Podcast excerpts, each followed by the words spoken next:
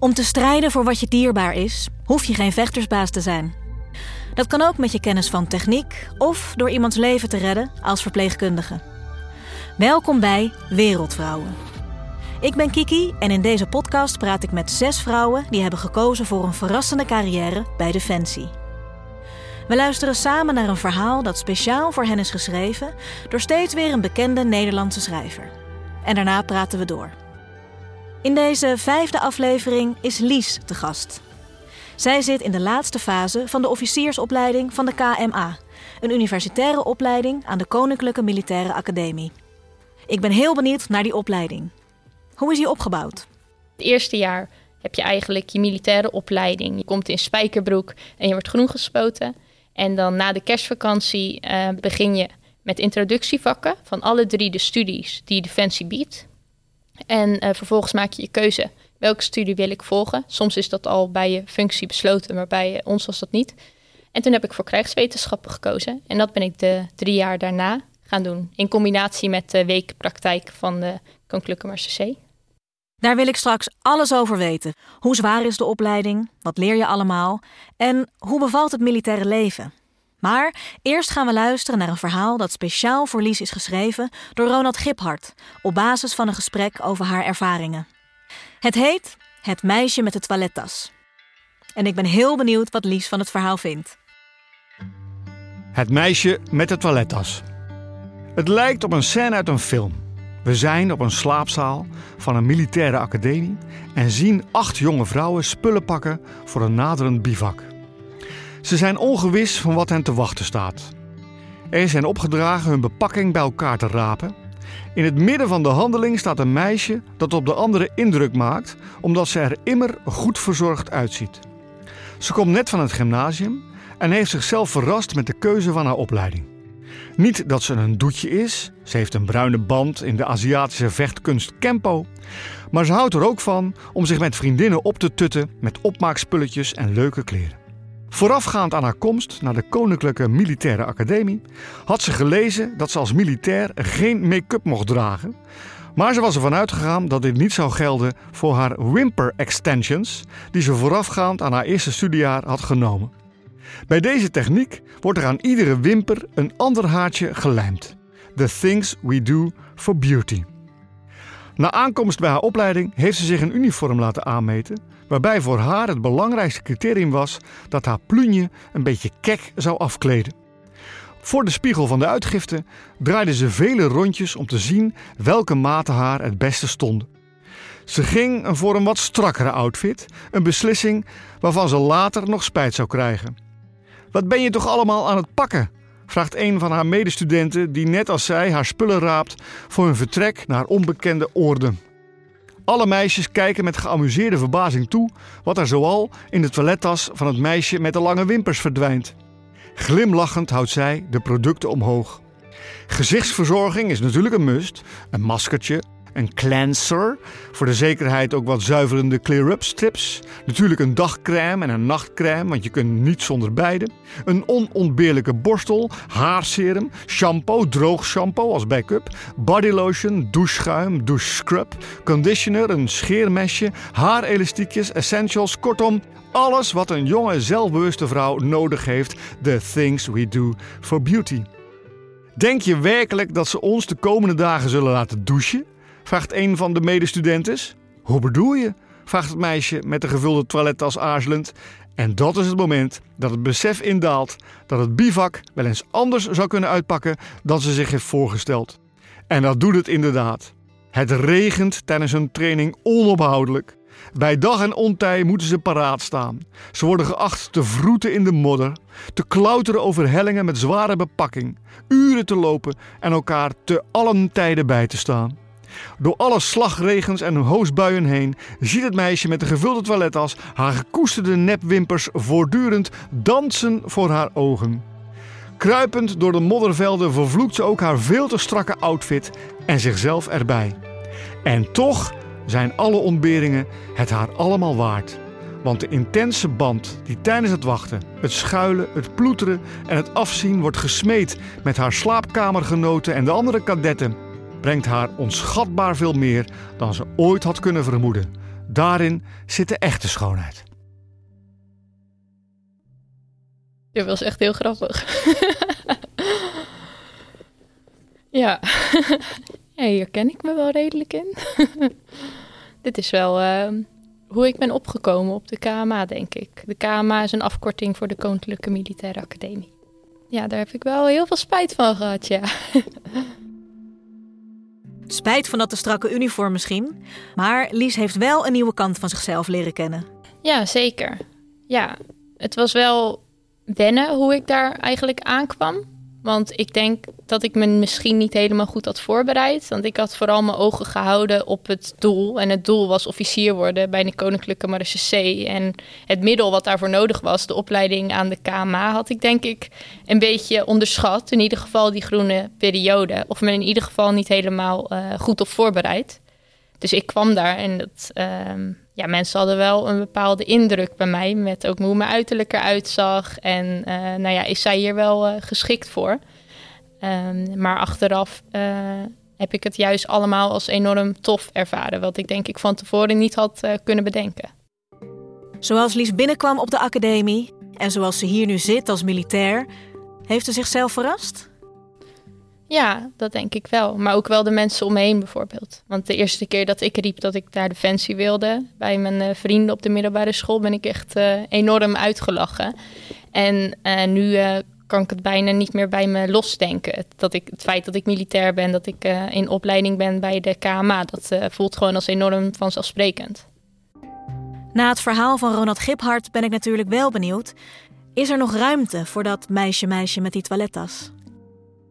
Zeker. Maar um, hoe ik het nu meer zie, is gewoon voor alles is een uh, plek en voor alles is een tijd. En uh, dat is gewoon niet altijd met dit werk. Uh, maar dat betekent niet dat ik niet mezelf kan zijn met dit werk. Het feit dat ik in het weekend misschien een leuk jurkje aantrek en die hakken aandoe en mezelf leuk opmaak. dat betekent niet dat ik mezelf niet ben als ik dat niet doe. Um, ik denk dat ik gewoon allebei die kanten heb leren omarmen van. Um, ik vind het ook gewoon prima om helemaal niks op mijn gezicht te doen. En gewoon uh, lekker een paardenstaartje, uniform aan. En dan voel ik me net zoveel lies als wanneer ik dat niet doe.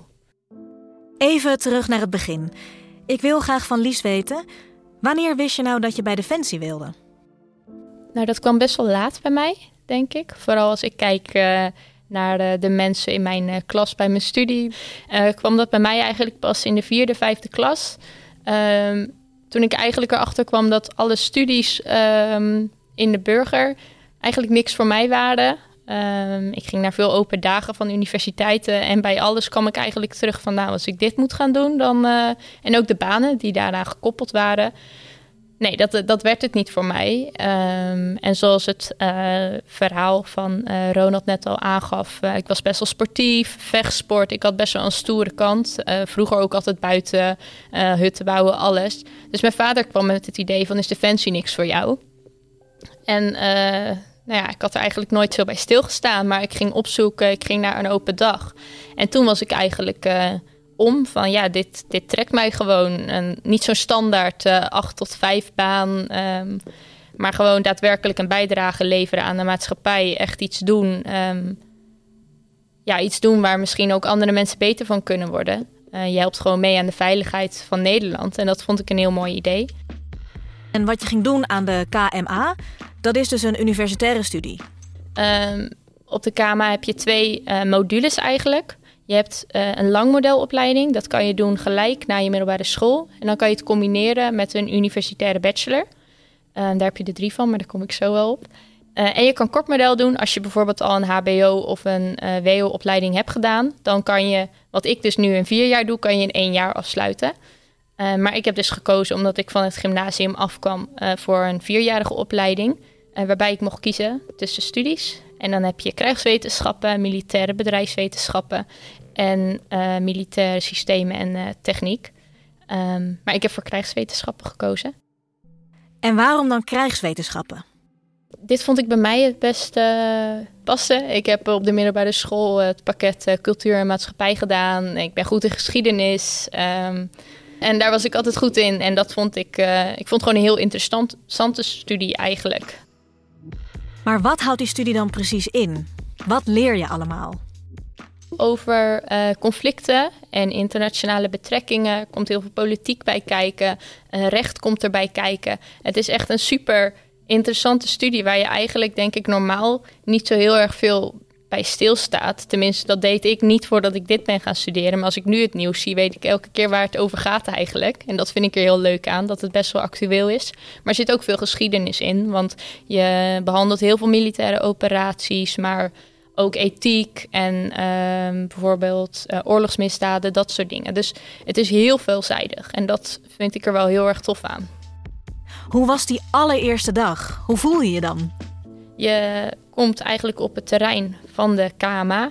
En nou ja, op een gegeven moment word je naar je slaapzaal gestuurd. Ehm, ik lag met zeven of acht meiden op een kamer.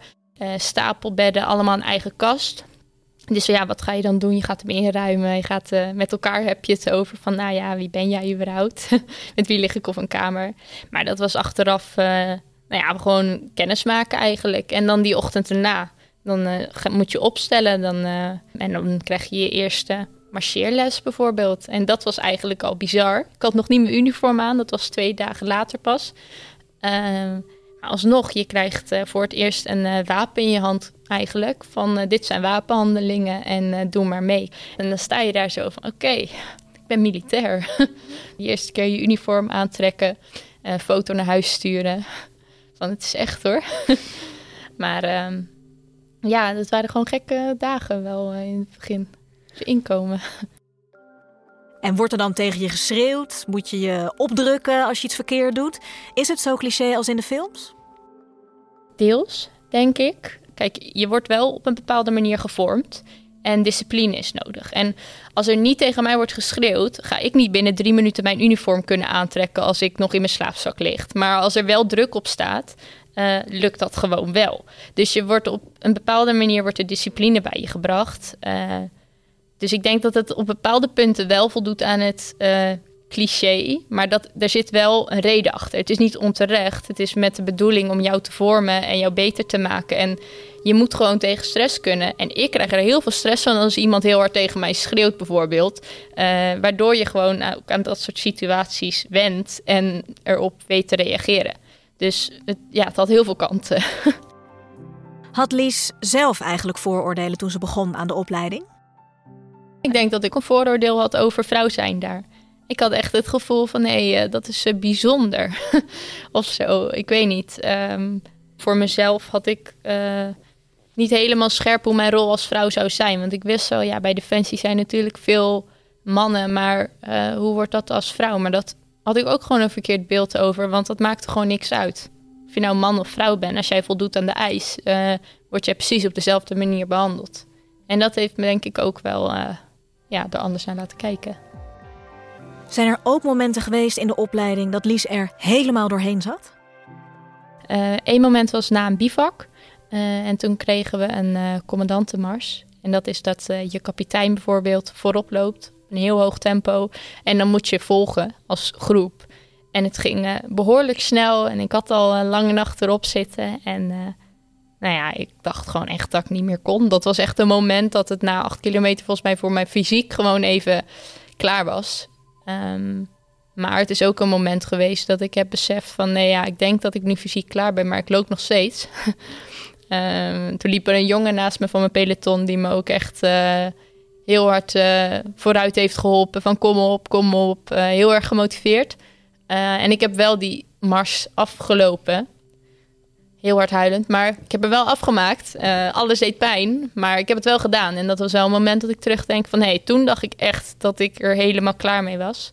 En uh, toen heb ik het ja, heb ik wel doorgezet. Dat waren ook wel mooie momenten, denk ik, in de opleiding. Want je gaat echt uh, als team opereren, zeg maar. En dat vond ik wel echt gaaf. Want dat ken ik gewoon niet van de middelbare school. Lies wordt dus opgeleid tot officier bij de Koninklijke Marechaussee. Waarom is die militaire basisopleiding nou zo belangrijk voor haar werk later? Kijk, als uh, iemand van de Kamar ben je ja, de Comar is een politiekorps met een militaire status. Wat eigenlijk betekent dat ondanks dat je bijvoorbeeld opsporingsambtenaar wordt, um, ook een militair bent. Dus alles wat militairen doen, moet ik ook gewoon kunnen, want ik ben zelf een militair. Dus wat eigenlijk inhoudt in de eerste periode, is dat je gewoon alle militaire basisvaardigheden krijgt aangeleerd. Waardoor als jij ooit uh, bijvoorbeeld op uitzending moet, uh, ga je gewoon mee natuurlijk als Kamar. En dan moet jij natuurlijk gewoon mee kunnen met uh, al, ook bijvoorbeeld de landmacht. Dus daarom krijg je gewoon alles net als elk krijgsmachtdeel gewoon aangeleerd wordt gewoon een basis gelegd waar je dan de rest van je loopbaan eigenlijk op terug kan vallen als militair zijnde. Want je wordt gewoon in die periode militair gemaakt. Dus jij moet alles kennen wat iedereen kent. Nou ben ik dus wel benieuwd hoe het leven daar dan is. Je studeert, maar heb je dan ook een studentenleven? Nou, ik denk dat het op bepaalde aspecten wel verschilt van studentenleven. Maar als ik nu terugkijk, um, heb ik me wel op sommige momenten echt student gevoeld. Want Um, wij hebben gewoon een eigen vereniging van de KMA. En dat is dan echt alleen voor de kadetten. Uh, het kadettenkoor heet het. En dat is een heel grote vereniging waar iedereen dan lid van wordt. En die heeft superveel onderverenigingen. Waardoor je um, in je vrije tijd uh, en in je studieperiode superveel vrijheid hebt om ook activiteiten te ondernemen. En daarnaast zit je ook in Hartje Breda. En Breda is een super gave stad. Dus um, ja, dat, is, uh, dat draagt er wel aan mee, zeg maar. Als student ga je normaal gesproken op kamers. Maar in de eerste tijd op de KMA zit je dus op een zaal met stapelbedden en allemaal kamergenoten. Hoe heeft Lies dat ervaren?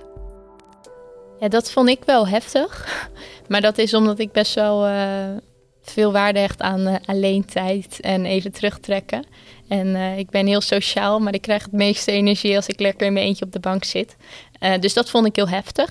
Maar na die vier maanden, en dan, uh, dan heb je de kerst, zeg maar, als je in september bent begonnen, en uh, dan krijg je een eigen kamer ook toegewezen. Dus uh, dat was eigenlijk alleen maar super gaaf, want dan woon je gewoon midden in Breda, zeg maar. En hoe is dan verder het contact met je studiegenoten? Ja, dat is echt uh, goed. Um, je hebt je eigen peloton, waar je eigenlijk in zit met je krijgsmachtdeel. Dus ik dan bij mensen van de Kamar. en nou ja, die beschouw ik gewoon allemaal afzonderlijk als mijn vrienden. Ook omdat je maar met z'n negenen bent. Uh, maar bijvoorbeeld ook uh, met de meiden van mijn jaar hebben we gewoon een eigen groepsapp. gaan we vaak wel eens uit eten, doen we leuke dingen. dus ook met de meiden van mijn jaar bijvoorbeeld. Ja, je bent natuurlijk wel met iets minder dan de jongens zijn, zeg maar. wat er ook voor zorgt dat je ja, eigenlijk automatisch hecht wordt. Nou vertelde Eline uit de vorige podcast dat het voor haar niet meer mogelijk is om de trainingen bij haar oude sportclub te volgen. Heeft Lies ook iets moeten opgeven? Ja, helaas is dat wel het geval geweest bij mij. Um, ik zat vanaf mijn achtste op vechtsport, Campo, zoals Ronald al in zijn verhaal had uh, uh, aangehaald. En uh, nou ja, ik, ik, deed dat op best wel hoog niveau. Ik had volgens mij in mei voordat ik opkwam, heb ik nog in Albufeira gestaan met de wereldkampioenschappen. Dus um, ja, dat, dat was een heel groot deel van mijn leven. Maar toen ik eenmaal in Breda begon, lukte dat gewoon eigenlijk niet meer. Maar wat zo leuk was eigenlijk aan ons score is dat uh, er zoveel mogelijkheden zijn dat eigenlijk voor iedereen de sport te beoefenen valt op de KMA. Ik heb bijvoorbeeld dus heel veel uh, affiniteit met vechtsport. Uh, waardoor ik in het tweede jaar voorzitter werd van de vechtsportvereniging. Ik heb een boksgala georganiseerd, wat elk jaar er is. Um, waardoor ik wel op een andere manier eigenlijk door kon gaan met die hobby van mij. Dus um, het ligt er heel erg aan hoe je het zelf aanpakt, zeg maar. Ik wil even inzoomen op de opleiding. Lies doet dus de bachelor krijgswetenschappen. Kan ze vertellen hoe die opleiding is opgebouwd? Nou, je, je hebt natuurlijk in het begin heb je die introductievakken van alle drie de studies. Uh, en van mijn studie uh, dan uh, specifiek heb je bijvoorbeeld het vak inleiding militaire operaties en uh, veiligheidsstudies. Dus uh, daar gaat het heel erg over, zeg maar. Maar je hebt ook bijvoorbeeld vakken, er zijn zelfs vijf vakkenreeksen van methode van onderzoek. Van hoe maak je nou echt een goede paper? hoe voer je goed onderzoek uit op wetenschappelijk niveau? dat soort vakken lopen door de studie heen. maar je hebt ook vakken over bijvoorbeeld geschiedenis over de geschiedenis van uh, nou, Normandië in 1944. Heb ik een studiereis naartoe gehad, wat heel erg gaaf was. Uh, maar je hebt ook bijvoorbeeld in het derde jaar, ik loop even helemaal uh, door elkaar. Maar in het derde jaar krijg je bijvoorbeeld de keuze om een minor zelf te kiezen. Dus je had echt, ja, eigenlijk voor ieders interesse was er eigenlijk wel een vakkenreeks. Ik heb zelf militair recht toen gestudeerd. Maar er zijn ook mensen die heel erg op uh, cyber en intel bijvoorbeeld... Uh, die minor hebben gedaan, wat ook heel erg interessant was. Er zijn ook wel eens keuzevakken waar je uit kan kiezen. En, uh, dus als je een bepaalde interesse hebt binnen de studie... kan je daar ook echt je er goed in verdiepen. En dat is wel heel erg kostbaar. Nou had Lies natuurlijk ook kunnen kiezen voor een studie aan een universiteit... Wat zijn de voordelen van studeren bij Defensie? Naar mijn mening zijn er heel veel voordelen. Uh, naast dat je een militaire opleiding krijgt en gewoon militair wordt, uh, krijg je ook je bachelor van Defensie um, en krijg je salaris. Wat eigenlijk gewoon betekent dat ik geen studieschuld heb. In tegenstelling tot heel veel leeftijdsgenoten van mij, denk ik, in deze tijd. Um, dat ja, vond ik best wel belangrijk en ook een heel groot voordeel. Uh, maar na, daarnaast denk ik ook uh, de mate van persoonlijke ontwikkeling ten opzichte van, denk ik, uh, civiele studies bijvoorbeeld. Als ik mijzelf vergelijk met drie jaar geleden, was ik gewoon echt een ander persoon. Ehm, je loopt hier echt vier jaar op de KMA. met ook heel veel momenten van zelfreflectie en heel veel aandacht voor jouw ontwikkeling. Want het hele doel van jouw kader, dat zijn de mensen, de instructeurs, die eigenlijk jou beter willen maken dat is echt hun doel. Dus fouten maken mag, maar je moet er wel echt van leren. Eigenlijk elke um, momenten van praktijk bijvoorbeeld, dat we een oefening hebben of weer het bos ingaan, uh, dan moet je van tevoren altijd geven van hé, wat zijn jouw leerpunten? Waar wil jij aan werken? En daar word jij dan ook vervolgens op gecoacht. En je leert ook plannen en organiseren waar ik niet zo goed in was. Door bijvoorbeeld ook die koorvereniging met die evenementen die ik heb georganiseerd. Daar komt het ook weer in terug. En nou ben ik benieuwd hoe de toekomst eruit ziet. Wat voor werk ga je nou doen als je straks klaar bent?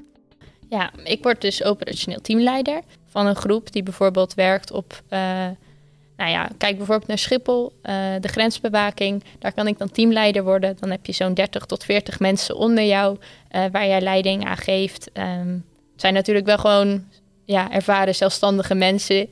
Maar je bent er wel voor, bijvoorbeeld voor de personeelszorg. Um, dat soort dingen. Maar er zijn ook heel veel andere dingen die je als teamleider kan gaan doen. Zo word je bij sommige uh, functies, bijvoorbeeld hulpofficier van uh, justitie, waardoor je alle dingen afhandelt. Um, dus het wordt heel veelzijdig. En dan wil ik wel graag weten van Lies, wat zou zij nou willen meegeven aan iemand die luistert en denkt: hé, hey, die dingen die jij net hebt verteld, dat spreekt me eigenlijk wel aan. Nou ja, um, als ik kijk naar mezelf, van hey, is dit wel geschikt voor mij? Um, ben ik niet, ja, te meisjesachtig of uh, dat soort dingen. Ook dan kan je prima in deze organisatie thuis horen. Um, dus twijfel dan niet en uh, geef het gewoon een kans en verdiep je erin. Want ik had ook nooit gedacht van tevoren dat het bij mij zou passen en dat ik het zou kunnen. En heel veel mensen dachten het niet, maar hier zit ik dan toch drie jaar verder. En heb ik er heel veel plezier in. En dat plezier spat er vanaf. In de volgende Wereldvrouwen podcast is Roos de gast. Zij is algemeen militair verpleegkundige. En Lies heeft nagedacht over een vraag die ze aan Roos zou willen stellen. Ik vroeg me af of zij kon uh, uitleggen hoe haar uh, werk als verpleegkundige binnen Defensie verschilt van verpleegkundige bij een gewoon civiel ziekenhuis. Die vraag gaan we dus de volgende keer stellen aan Roos. Mag ik Lies dan heel hartelijk bedanken voor haar enthousiaste verhaal. En heb jij nou geluisterd naar deze podcast en wil je meer weten over werken bij Defensie? Kijk dan op werkenbijdefensie.nl/slash vrouw.